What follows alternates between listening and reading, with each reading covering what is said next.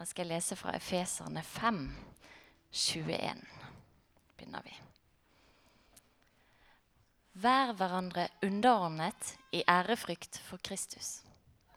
Dere kvinner, underordn dere ektemennene deres som under Herren selv. For mannen er kvinnens hode, slik Kristus er kirkens hode. Han er frelser for sin kropp. Som kirken underordner seg Kristus, skal kvinnene underordne seg sine menn i alt. Dere menn, elsk konene deres, slik Kristus elsket kirken og ga seg selv for den, for å gjøre den hellig og rense den med badet i vann i kraft av ett ord. Slik vil han selv føre kirken fram for seg i herlighet, uten den minste flekk eller rynke. Hellige og uten feil skulle den være. På samme måte skal altså mennene elske sine koner som sin egen kropp. Den som elsker sin kone, elsker seg selv. Ingen har noen gang hatet sin egen kropp. Nei, man gir kroppen næring og pleier den på samme måte som Kristus gjør med kirken. For vi er lemmer på hans kropp. Derfor skal mannen forlate far og mor holde fast ved sin kvinne, og de to skal være én kropp.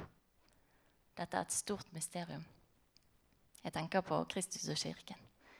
Men det gjelder også hver enkelt av dere. Hver mann skal elske sin kone som seg selv, og hun skal ha respekt for sin mann. Dere barn, vær lydige mot foreldrene deres i Herren, for det er rett og riktig. Du skal hedre din far og din mor. Dette er det første budet med et løfte, så det kan gå deg godt, og du kan leve lenge i landet.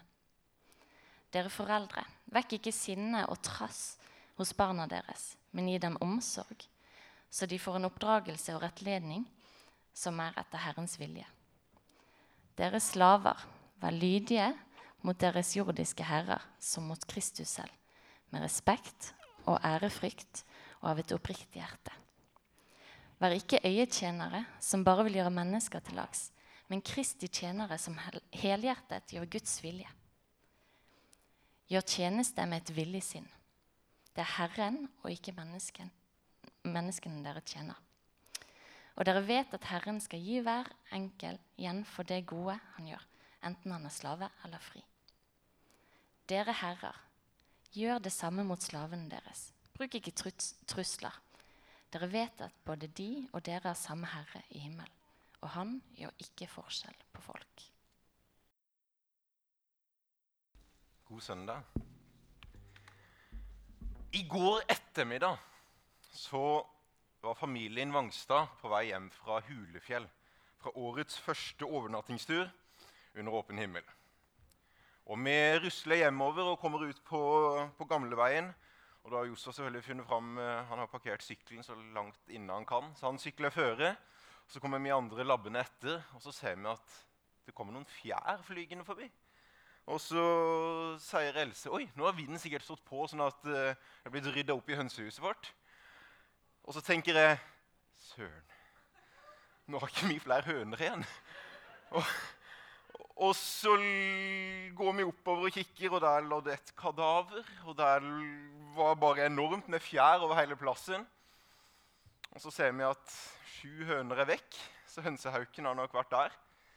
Eh, og så kommer vi inn i hønsehuset. Og det eneste som er igjen, det er de to eldste hønene som er smarte nok til å komme seg inn, men for gamle til å legge noe særlig egg. Og en vettskremt hane som ligger innerst inne i verpekassa, litt under høyet, og ligger helt stille og skjelver. Og Neste gang jeg er inne i hønsehuset, så ligger fortsatt hanen under høyet innerst i verpekassa. Så var jeg ute igjen i går kveld, og hanen ligger fortsatt innerst i verpekassa under dette høyet og skjelver. Og jeg føler meg litt som den hanen når vi skal prate om denne teksten her.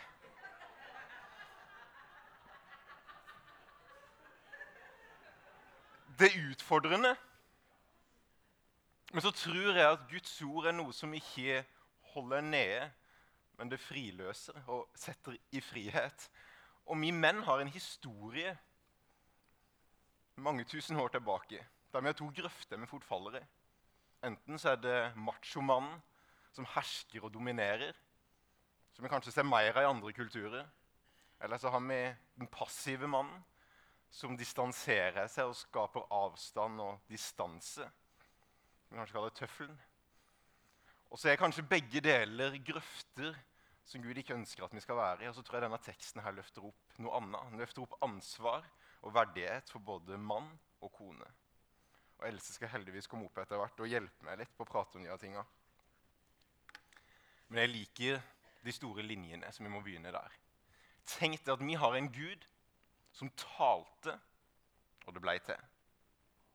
At alt opprettholdes pga. lyden av hans ord. Og han som skapte oss og så at det var godt, og elska oss, plasserte oss i relasjoner. Men så valgte vi å vende oss vekk fra Gud, og sjøl om synden kom inn i verden, så har alltid Guds tanke og Guds hensikt med oss vært å gjenopprette de her relasjonene. Vi ser i 1. Korinterbrev 5,17 at Jesus kom for å forsone det skapte tilbake til skaperen. Og han har gitt oss forsoningens tjeneste. Vi skal være med på denne her at himmelen skal få lov til å innta jorda igjen. Det er det store fortellinga. Det begynte med et ekteskap, og det skal avslutte med et ekteskap mellom Kristus og kirka. En av 1900-tallets største teologer som har vært med å inspirere med meg, heter Francis Schaefer.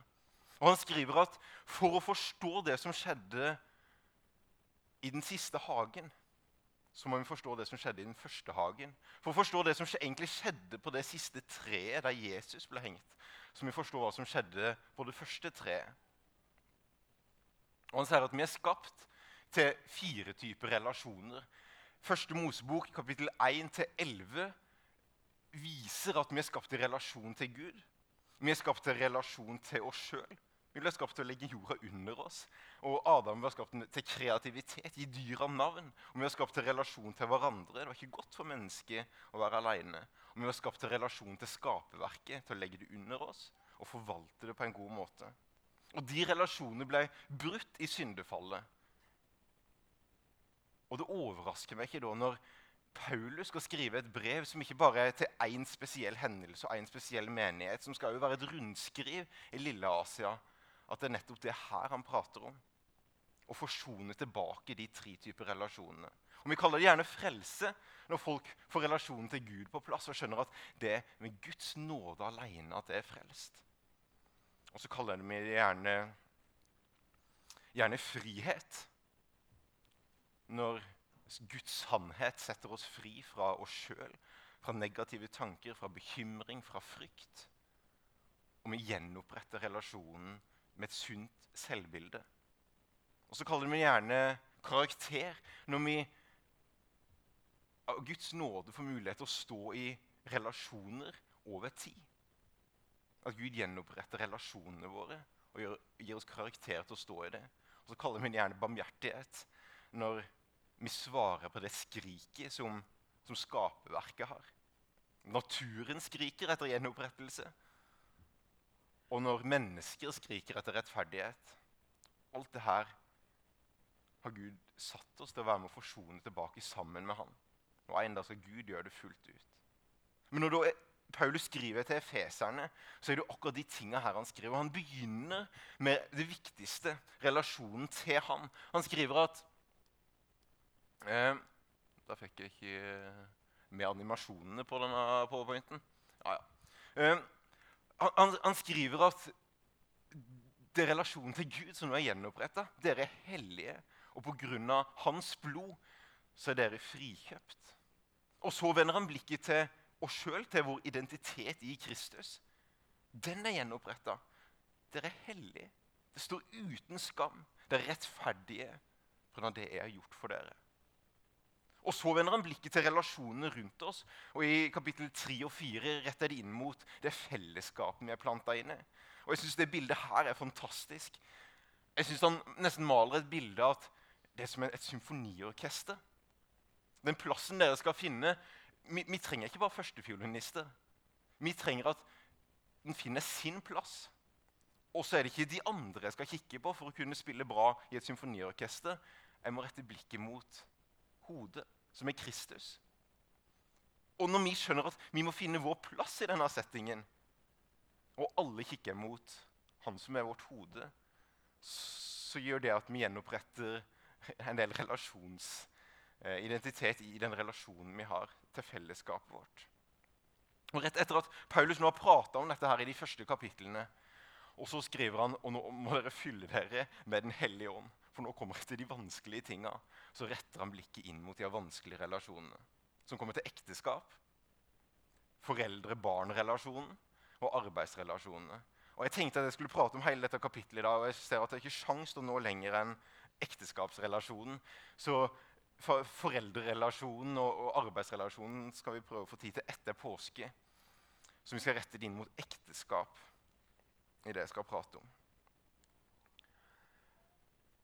Men det er altså tre former for relasjoner som jeg tror er en del av gjenopprettelsen som Jesus holdt på med på korset. Men vi skjønner at det her er en, en, vanskelig tekst. Og nå er det ingenting som hopper opp etter hverandre. det var litt dumt, Men sånn er det. Jeg, jeg tror vi står med noen utfordringer når det kommer til hvordan vi skal tolke denne teksten.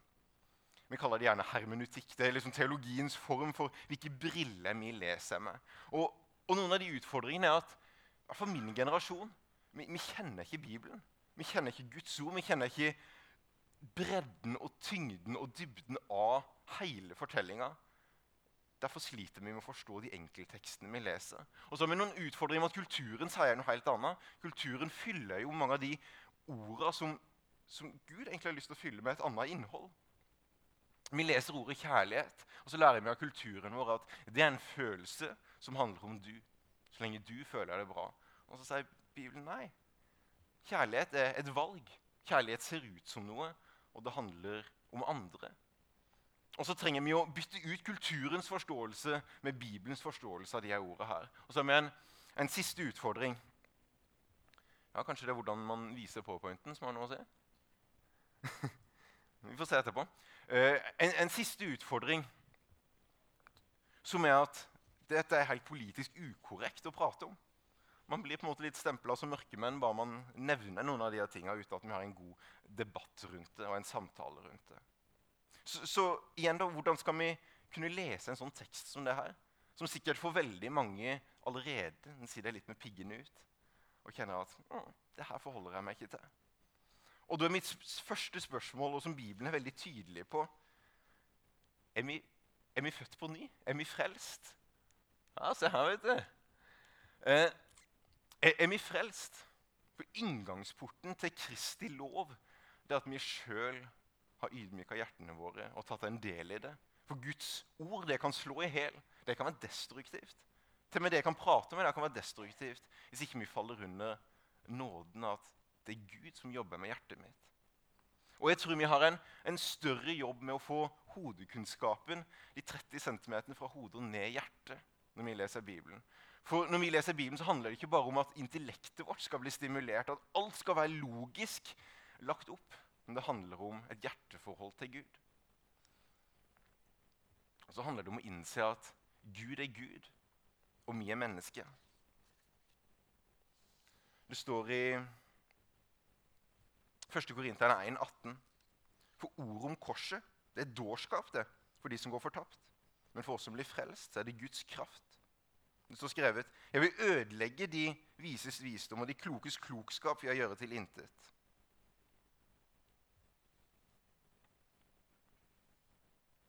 For Guds dårskap er visere enn menneskene, og Guds svakhet er sterkere enn menneskene. Jeg tror at Gud mener det han skriver, og skriver det han mener. Og Noen ganger så trenger vi bare å tenke ja, ja. Er det skapte, og Gud er skaperen. En av de tydeligste, hvis en leser hvordan rabbiene tolka Bibelen, så er en av de tydeligste punktene som de unge mennene lærer seg når de begynner på den jødiske rabbiskolen, er at teologi som ikke er praktisk, det er dårlig teologi. Så Hvis det var en abstrakt tekst i Gammeltestamentet som ikke hadde en konkret betydning, så måtte de finne andre plasser i Gammeltestamentet som kunne konkretisere det. Og Paulus, som en god rabbi, er jo akkurat det han gjør. Han begynner å legge ut det abstrakte i de tre første kapitlene i Efeserne. Dette er teorien og så gjør han det konkret. Han praktiserer det. det som står der. Så vi må prøve å se at det her er faktisk noe som skal gjelde livet vårt. Og Det siste er jo selvfølgelig kontekst. Og Det er nok kanskje det punktet her som har størst potensial for å bli mistolka. For Vi har gjerne hørt på en eller annen tale en eller annen gang at ja, men vi må huske at den er skrevet i en kulturell kontekst. Og det er enormt viktig. Men jeg tror vår største utfordring er at vi leser den ut fra vår kontekst. Med våre historiske briller. Ikke at vi har satt oss ned og virkelig studert den romerske konteksten eller den greske konteksten, eller hvordan jødene virkelig gjorde det her. Og Hvis du ser hvordan det sto til med ekteskapet på romersk tid, så bommer Paulus mer på konteksten i, i, den konteksten han skriver i, enn det han skriver i nå. Det er ganske langt unna. For romerne så, så var det, det var et slavesamfunn. Over 60% av befolkninga var slaver. Og det, var, det, normale var å ha at en erotisk relasjon var til prostituerte. Og så hadde du en kone som du bare skulle føre slekta videre med. Og den kona, det, det blir skrevet ned i historikere at det var allment at den kunne brukes eller misbrukes etter behov. Så den konteksten de skriver, er i hvert fall destruktiv. Og for, og, og for jødene så var skilsmisse en helt normal ting. De hadde mistolka Guds lov såpass mange ganger at for en, en, en, jøde så var fem eller ti skilsmisser i løpet av livet helt, helt, normalt. Det var nok med at du lagde et dårlig måltid til mannen som var grunn nok til skilsmissebrev. Så, så Paulus kommer og, og løfter opp en annen standard. Og det trenger vi å se òg, selv om det ser annerledes ut enn det vi lever i i dag. Så kan det være at det er ord til oss òg. Ok. Jeg tror at når Paulus skriver om ekteskap og generelt institusjoner som Gud har lagt ned fra skapelsen av og gjennom hele skaperverket, så er det alltid flere dimensjoner av det. På grunn av at Vi vet at hele Bibelen peker på Jesus. Så alt som Gud skriver om, har en eller annen form for en større hensikt. Og ekteskapet har en større hensikt med at det peker på Kristus og kirka. Det er en modell for et ekteskap som er veldig mye større. Og jeg tror at Når vi skal komme til det her med ekteskap, så er det den relasjonen mellom oss og Gud og Kristus og kirka som igjen kan komme ned til. Hvordan begynner relasjonen med Gud? Jo, Den begynner med et valg. Og så begynner den med sårbarhet. At vi tør å bekjenne synd. At vi tør å stå, å, stå åpne framfor Gud. Hvordan begynner ekteskapet? Jo, det begynner med et valg, og det begynner med sårbarhet.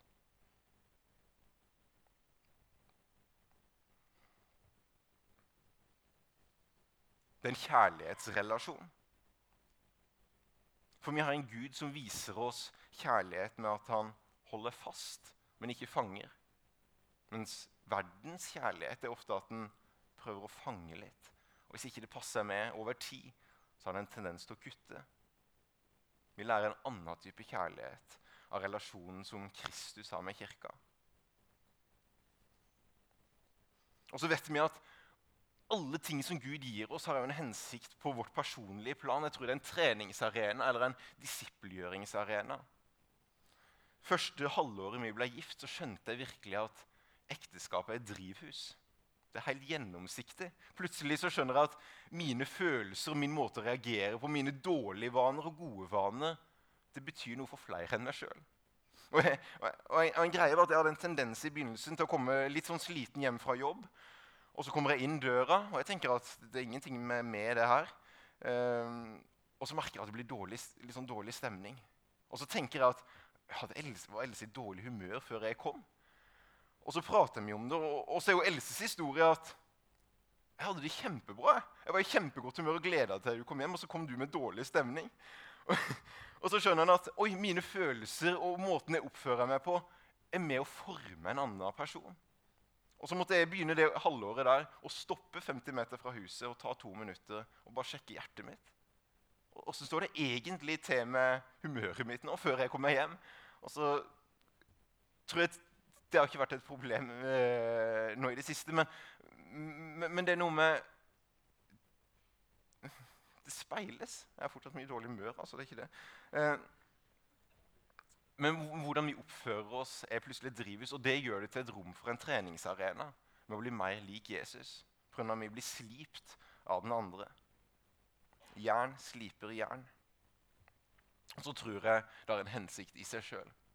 Jeg tror det er det beste for mennesket, og jeg tror det er det beste for samfunnet. Og så må jeg få sagt det at Du kan ikke stå på en scene og undervise Bibelen og ekteskap og si at det her er modellen for å gjøre mennesket komplett. Ikke i det hele tatt. Jesus var det mest komplette mennesket. Og han var ikke noe ekteskap. Paulus oppfordra til at han blir heller som meg.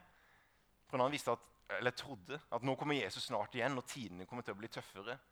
Så det er ikke det jeg forkynner. Men jeg forkynner at det her er likevel en modell som er godt for mennesket og godt for samfunnet. Else, kan ikke du komme opp?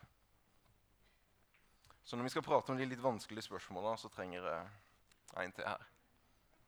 For det er en krevende tekst, dette.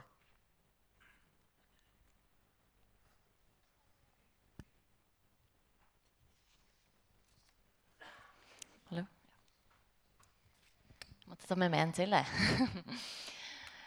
yes, Vi skal jo snakke om ekteskapet. Og jeg, før vi begynner med de litt vanskelige ordene, så har jeg lyst til å bare komme med et lite innspill.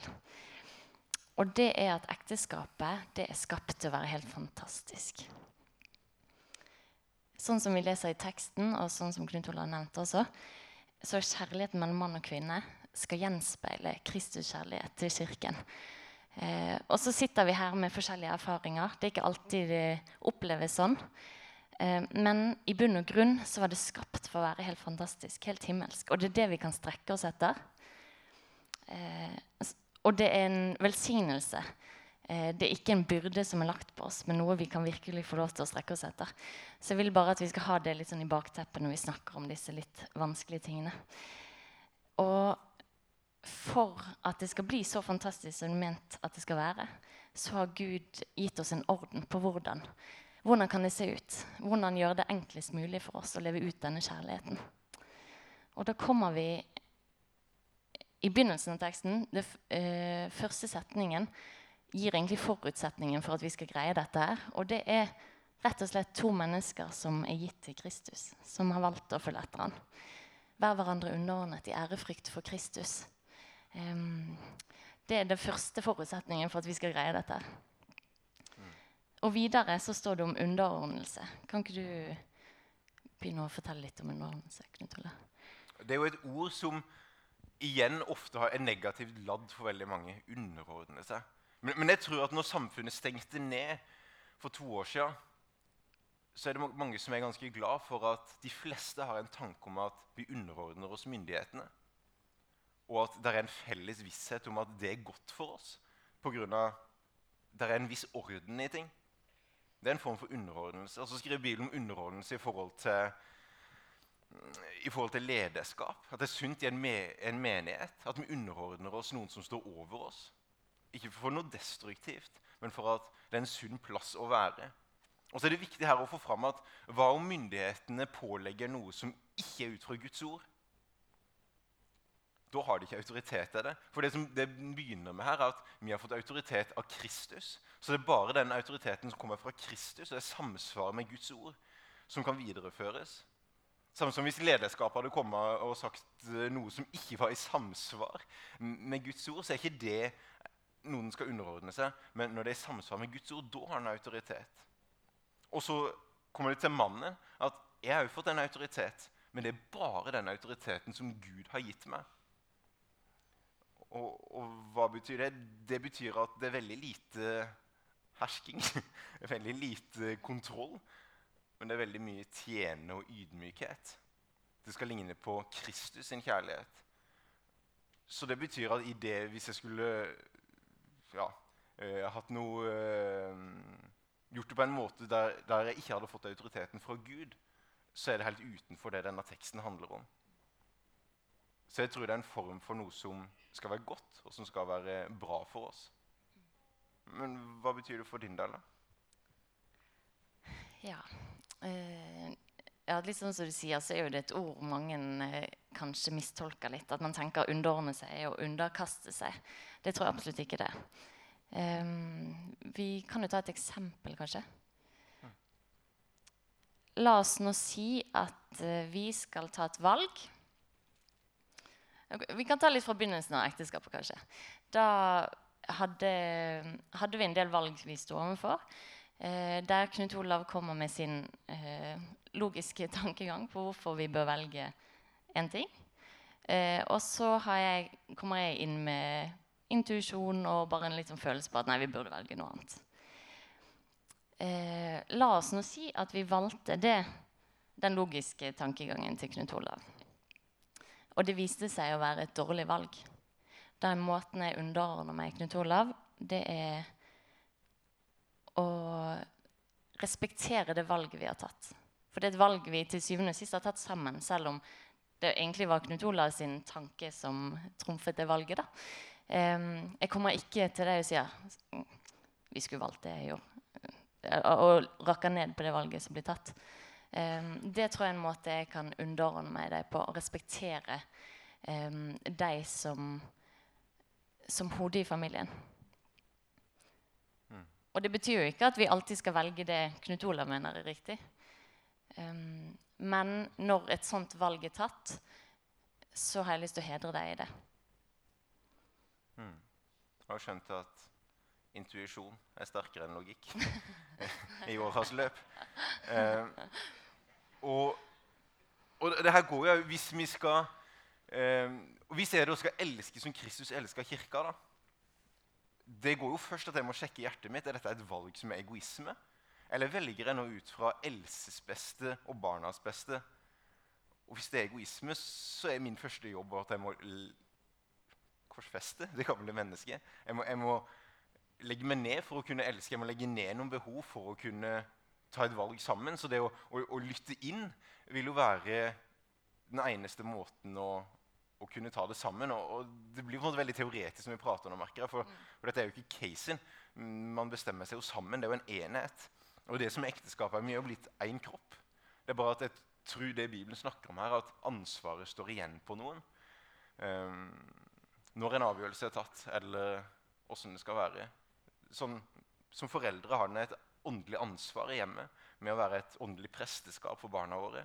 Det betyr jo ikke at jeg nødvendigvis er den som skal gjøre mest av det. nødvendigvis. Men jeg tror noe ansvaret ligger på meg for at det skal bli gjennomført. Eh, og så finner vi ut av sammen åssen det best lar seg gjøre. på en måte. Jeg må jo si at Det å underordne seg en mann som tenker at han skal elske meg sånn som Kristus elsket kirken og ga sitt liv for, for den, det er jo supertrygt. Eh, så det, det ordet Og når jeg, jeg hører sånn, så er jeg litt sånn som den høna igjen. Hjelp meg, Gud. Eh, det er utfordrende, for det, gjør til at en får et ansvar som er for tungt å bære av og til men som jeg tror er sunt. Mm. Men, en ting som ofte kommer fram, da, er jo det her med at i tidligere tekster så skriver jo Paulus at i Kristus så er det ikke mann og kvinne, slave eller fri, greker eller hedning. Vi er én i Kristus. Så hvorfor nå tenke at det er forskjell? Eh, ja, vil du ja, um, i denne sammenhengen Så vi står jo litt overfor Gud. Mann og kvinne. Det er en viktig ting å få, mm. få fram. Ja, og, vi sam, og, vi har samme verdi, også selv om vi har blitt gitt forskjellige oppgaver. Mm. Eh, forskjellige måter å forholde oss til hverandre. Eh, så jeg tror det bare er viktig at vi ikke blander det med at vi er faktisk Vi står likt foran Gud. Men, eh, men Gud har gitt oss en orden på hvordan ekteskapet skal bli best mulig. da. Mm. Og igjen vi, har ikke noe fasitsvar på ting. Det er vår skjelvende vei inn i å prøve å forstå ting. Uh, og folk sier det med helt andre erfaringer. Synes kanskje det høres helt håpløst ut, mye av det vi prater om, men er vi ydmyke til at Guds ord har en sunn ramme for oss? Tør vi å tenke at når vi omslutter Efeserne 1, at ja, dette er sannheten for vårt liv, så kan vi ikke bare krysse ut Efeserne 5? Det er noe med en ydmykhet til, til Guds ord. Um, men hva betyr det å elske sånn som Kristus elska kirka? Legge ned sitt liv. Og igjen så tror jeg det, det ser forskjellig ut. Og må, ja, igjen, må kanskje ta en tur inn i verpekassa og skrike til Gud. Gud, hjelp meg. Gi meg visdom. Gi meg styrke. Og Det er der vi trenger å være ganske ofte. Men så er Guds ord noe som ja, istandsetter. Så vi må alltid komme ut derfra med med ansvar og, og skjønne hvem vi er. Men kan jeg bare si noe da, forhold mm. til hvordan jeg har følt meg elsket opp igjennom? Um, begynnelsen av ekteskapet vårt så hadde vi litt den der eh, litt dårlige stemningen innimellom. Um, og en av måtene jeg da opplevde at Knut Olav elsket meg um, på denne måten, det var at han var så tidlig ute med å, med å, ta tak i denne dårlige stemningen. Han kom OK, hva, hva er greia nå? Hvor, hvorfor har det blitt sånn som det har blitt? Vi, har tenkt, vi skal ha et fantastisk ekteskap. Da må vi ta tak i dette nå. Og så gang på gang så spør han meg hva, hva er greien, hvorfor er det sånn som dette her. Og så etter hvert så har det bare blitt bedre og bedre. Eh, og det er noe med det ansvaret du har tatt eh, i vår relasjon, tror jeg er en måte du har vist den kjærligheten som, eh, som Kristus viser oss. da. Et spørsmål som jeg skrev opp her, som kommer mot slutten av teksten, er eh, Men hva menes det med å forlate sin far og sin mor? Hva, hva er på en måte greia her mot vers 31? Derfor skal mannen forlater sin far og sin mor, holder fast med sin kvinne, og de to skal være én kropp. Eh, og, og, her tror jeg det ligger en sånn eh, en viktig ting. Vi hadde besøk av Alexis forrige helg, og mange fikk gleden av å høre han. Og En av historiene som han dro opp, som, som berørte meg litt, var at han, en av døtrene hans som nå hadde gifta seg, var en skikkelig sånn pappajente. De delte alt sammen. Men etter at hun ble gift, så var det en gang hun ringte han og bare la ut masse masse greier og ønska at han skulle komme med innspill. Og så forteller han bare i telefonen at du har fått en ny lojalitet i livet. Og så legger han på.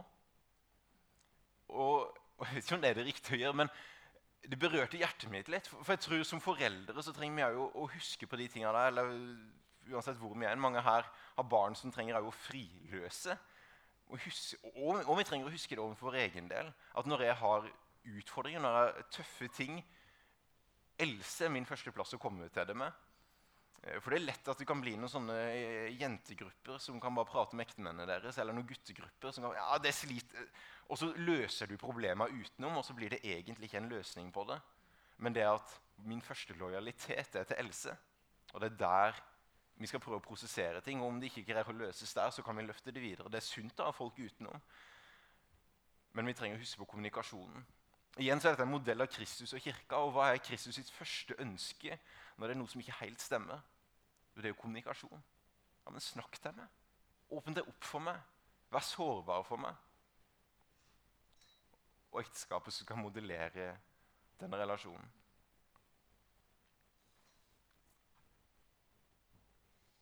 Siste spørsmål er, Hva er forskjellen på å elske og respektere? Da? For du avslutter jo med det her. Hver mann skal elske sin kone som seg selv, og hun skal ha respekt for sin mann. Og Vi har absolutt vært inne på det. Men noe mer du har lyst til å si om det? Jeg tror nok at vi som kvinner eh, har et behov for å bli elsket. Og så tror jeg dere menn har et behov for å bli respektert. Eh, men jeg vet ikke om jeg skal si noe mer. Nei, det er jo en brannfakkel kanskje å hive ut, men jeg tror det her er litt sånn spiral. At når jeg føler meg respektert, verdsatt, så er det mye lettere for meg å elske. Og når du føler deg elska, så er det mye lettere å respektere. Og så er det en sånn god spiral, og så kan det gå motsatt vei når det er det negative. Når en ikke føler seg respektert, så kan det fort gå, gå den negative veien igjen. Og så er det fort at kanskje, Dette er personlig for, for, oss. da, at Om jeg ikke tar det ansvaret, så kjenner Else at da må hun ta kontroll. Eh, og kanskje at det blir litt mer styrende. Og når jeg merker at det blir mer styrende, så har jeg en tendens og det er kanskje bare mine, mine svake sider, men da trekker jeg meg mer unna. Da har jeg en tendens til å bli mer passiv og distansere meg. Også det motsatte skjer når jeg merker at man blir respektert i det så er det lettere å, å, komme på banen igjen og, og, ta det ansvaret som jeg har kalt det. Så igjen, de her tingene tror jeg henger veldig sammen. Og Det er sårbart å prate om, for alle sider med ulike historier på det. Men kanskje det er noe grunnleggende mellom mann og kvinne på det. Kanskje noen kjenner seg igjen i nettopp den spiralen som kan gå, kan gå begge veier. Eller må elske å bli respektert. Mm. Og så er det liksom hvordan man tar det her herfra. da. Uh, for jeg tror det er mange som bare sier det. men Knut Olav, jeg har nok burde og skulle over livet mitt. Er nok av ting som ikke er mestre, Bare, bare lista av nyttårsforsett begynner allerede å tære på. jeg er allerede bare i april. Og man skal holde huset rent, og man skal spise sunt. og For ikke glemme tanter og Slitsomme ting som man alltid føler man burde, men aldri gjør. Det er så mange ting. Og så tror jeg når vi er slitne, at vi bare prøver å putte oss inn i de målsettingene. Altså om det burde være sånn eller burde være sånn. Og så glemmer vi at Jesus sin tilnærming er helt annerledes. Han viste oss en vei, ikke noen mål. Når jeg, jeg synes det er artig med løping, og hvis jeg skal bli inspirert til å skulle løpe fortere, da, så leser en jo om de som er best til å løpe. Og hvis jeg da skulle tatt Team Ingebrigtsen måte å, å, å, trene på, så er det jo detaljene i hvordan de legger opp uka si, som jeg må prøve å se hvordan passer det inn i min uke. Det vil jo ikke være å ta målsettingene de sine. Jeg kan ikke stille opp på start og skal prøve å løpe like fort som det. For det går jo ikke. Men jeg må se ok, hvordan kan dette passe inn til min livsstil. da? Og jeg tror vi trenger å tenke på samme måte når det kommer til Jesus. Hvordan levde Jesus? Og så må man huske, ok, Hva om Jesus hadde levd i 2022 da, og hatt tre unger og en jobb? Hvordan hadde han prioritert tida si? Hvordan hadde han prioritert uka si? For Jesus har en litt sånn merkelig tilnærming når han kommer til oss som kanskje føler oss slitne og syns dette er litt strevsomt, så sier han i Matteus 11 at 'Kom til meg, alle dere som strever og bærer tunge byrder, og jeg vil gi dere hvile'. Ok, Det høres jo bra ut. Men så sier han videre at 'Så ta mitt åk på dere og lær av meg, for jeg er mild og ydmyk av hjerte', 'så jeg skal finne hvile for deres sjel.' For mitt åk er godt, og min byrde er lett. Og Det alle bibeltolkere er enige om, er at et åk et arbeidsredskap. Og jeg tenker jo at Når jeg er sliten og har tungt å bære, hva er det jeg trenger da? Jo, da trenger jeg en sofa. Jeg trenger å kunne scrolle på mobilen eller en serie på Netflix. Eller... Og så sier jeg nei. Det er ikke en time til på Instagram som gjør at du får hvile for sjela di. Det å ta mitt åk på dere og begynne å gå den veien jeg går, gjør de tinga som jeg gjorde. Ha noe av den livsstilen som jeg hadde. For jeg tror at det er en ting som, Det er i hvert fall reelt for oss. Uh, av noe som kan være vanskelig både for vår relasjon til Gud, men også inn mot ekteskapet vårt. Og det, det her med travelhet. Og nå tenker jeg ikke bare på at det er for mye å gjøre, men nå tenker jeg på en, en travel ånd. Der du rett og slett bare blir forstyrra. Kanskje det er mobilen som forstyrrer deg mest. Eller om det er andre ting. Der det er vanskelig å opprettholde de gode relasjonene pga. travelhet. Og Det er en interessant novelle av C.S. Lewis der den prøver å gå inn i denne åndelige dimensjonen av dette. Der det er en, eh, en demon som skriver til sin nevø som er under opptrening. Og så skriver han dette her at jeg har funnet en bedre strategi enn å prøve å friste folk med synd. Spesielt de menneskene som er, har gode motiver og, og store hjerter. Av, hvis vi frister dem med synd, så det, har de en tendens til å vende tilbake til Gud. Og når de vender tilbake til Gud, så bare elsker de han enda mer. Så nå har jeg en bedre oppskrift. Og det er travelhet. Bare forstyrr de. Forstyrr de lenge nok, sånn at den relasjonen bare svinner litt bort. Sånn at det er for mange ledd til å kunne komme tilbake igjen. Og jeg kjenner meg igjen i det her med forstyrrelser. Og kanskje det er en viktigere ting enn å at det er nye målsettinger, så trenger vi å gå tilbake til hva er det da som er Jesus sin livsstil. Mm. Og der er noen ting Dette var en eh, og igjen, Dette kan tolkes på ulike måter.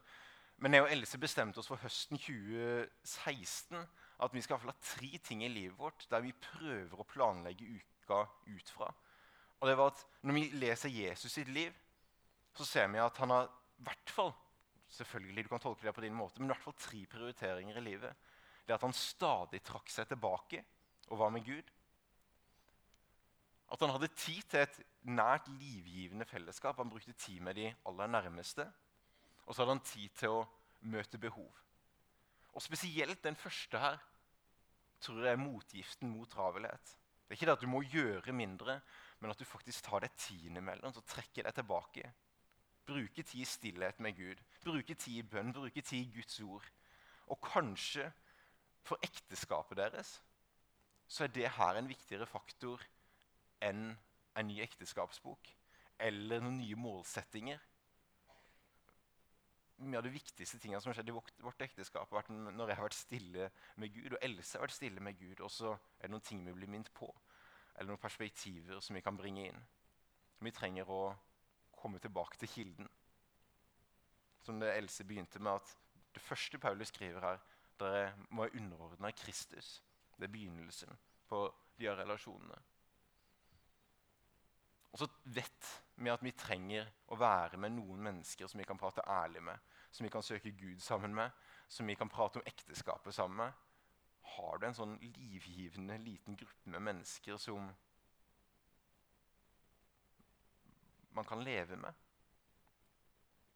Kanskje det, det er en viktigere ting enn den nye ekteskapsboka. Finn noen å leve sammen med. Det er i hvert fall en del av Jesus' sin måte å prioritere hverdagen på. Og så den siste av tid til å møte behov. Vær noe Erling sier veldig ofte det om menigheten her. Vi må huske å være en menighet som eh, betyr noe for mer enn oss sjøl. Og jeg tror for ekteskapet òg. Betyr vi noe for noe mer enn oss sjøl? Prøver vi å strekke oss ut og se hvem kan vi være med å bety noe for? Så gjør det noe med oss vi, vi, er sammen. Det gjør noe med min relasjon til Gud. Når jeg og Gud er av og til på oppdrag og skal gjøre ting for andre. Og det gjør noe med vår relasjon når vi har noe større å bruke tida på. Og så vil jeg bare putte inn den her òg. Tenk det at skaperen av universet, han som bare hadde tre år på seg på å starte verdens største bevegelse, han trakk seg tilbake hver sabbat og jobba ikke. Da kunne kanskje vi òg ha tid til det. Kanskje det skal være en tid hvis det som forstyrrer deg mest, er TV-en og mobilen. Kanskje det er det som er sabbaten din. Den slår vi av den dagen i uka og legger vekk. Eller vi jobber ikke, eller vi gjør ikke de tinga som holder oss travle eller forstyrrer oss, enten det er mentalt eller fysisk. Vi trenger å trekke tilbake. For det var en dag som var skapt for tilbedelse til Gud. Å nyte skaperverket og tenke at det er godt nok. Nå har vi jobba i seks dager, nå har vi gjort alle de tinga her. Nå er det bra nok. Nå skal vi nyte. Og så kan dere tenke at dette var en rar måte å avslutte ekteskapsundervisninga på. Men jeg tror det her har vært viktigere for vårt ekteskap enn prinsipper og regler. Ta mitt åk på dere og gå den veien jeg ønsker å vise dere.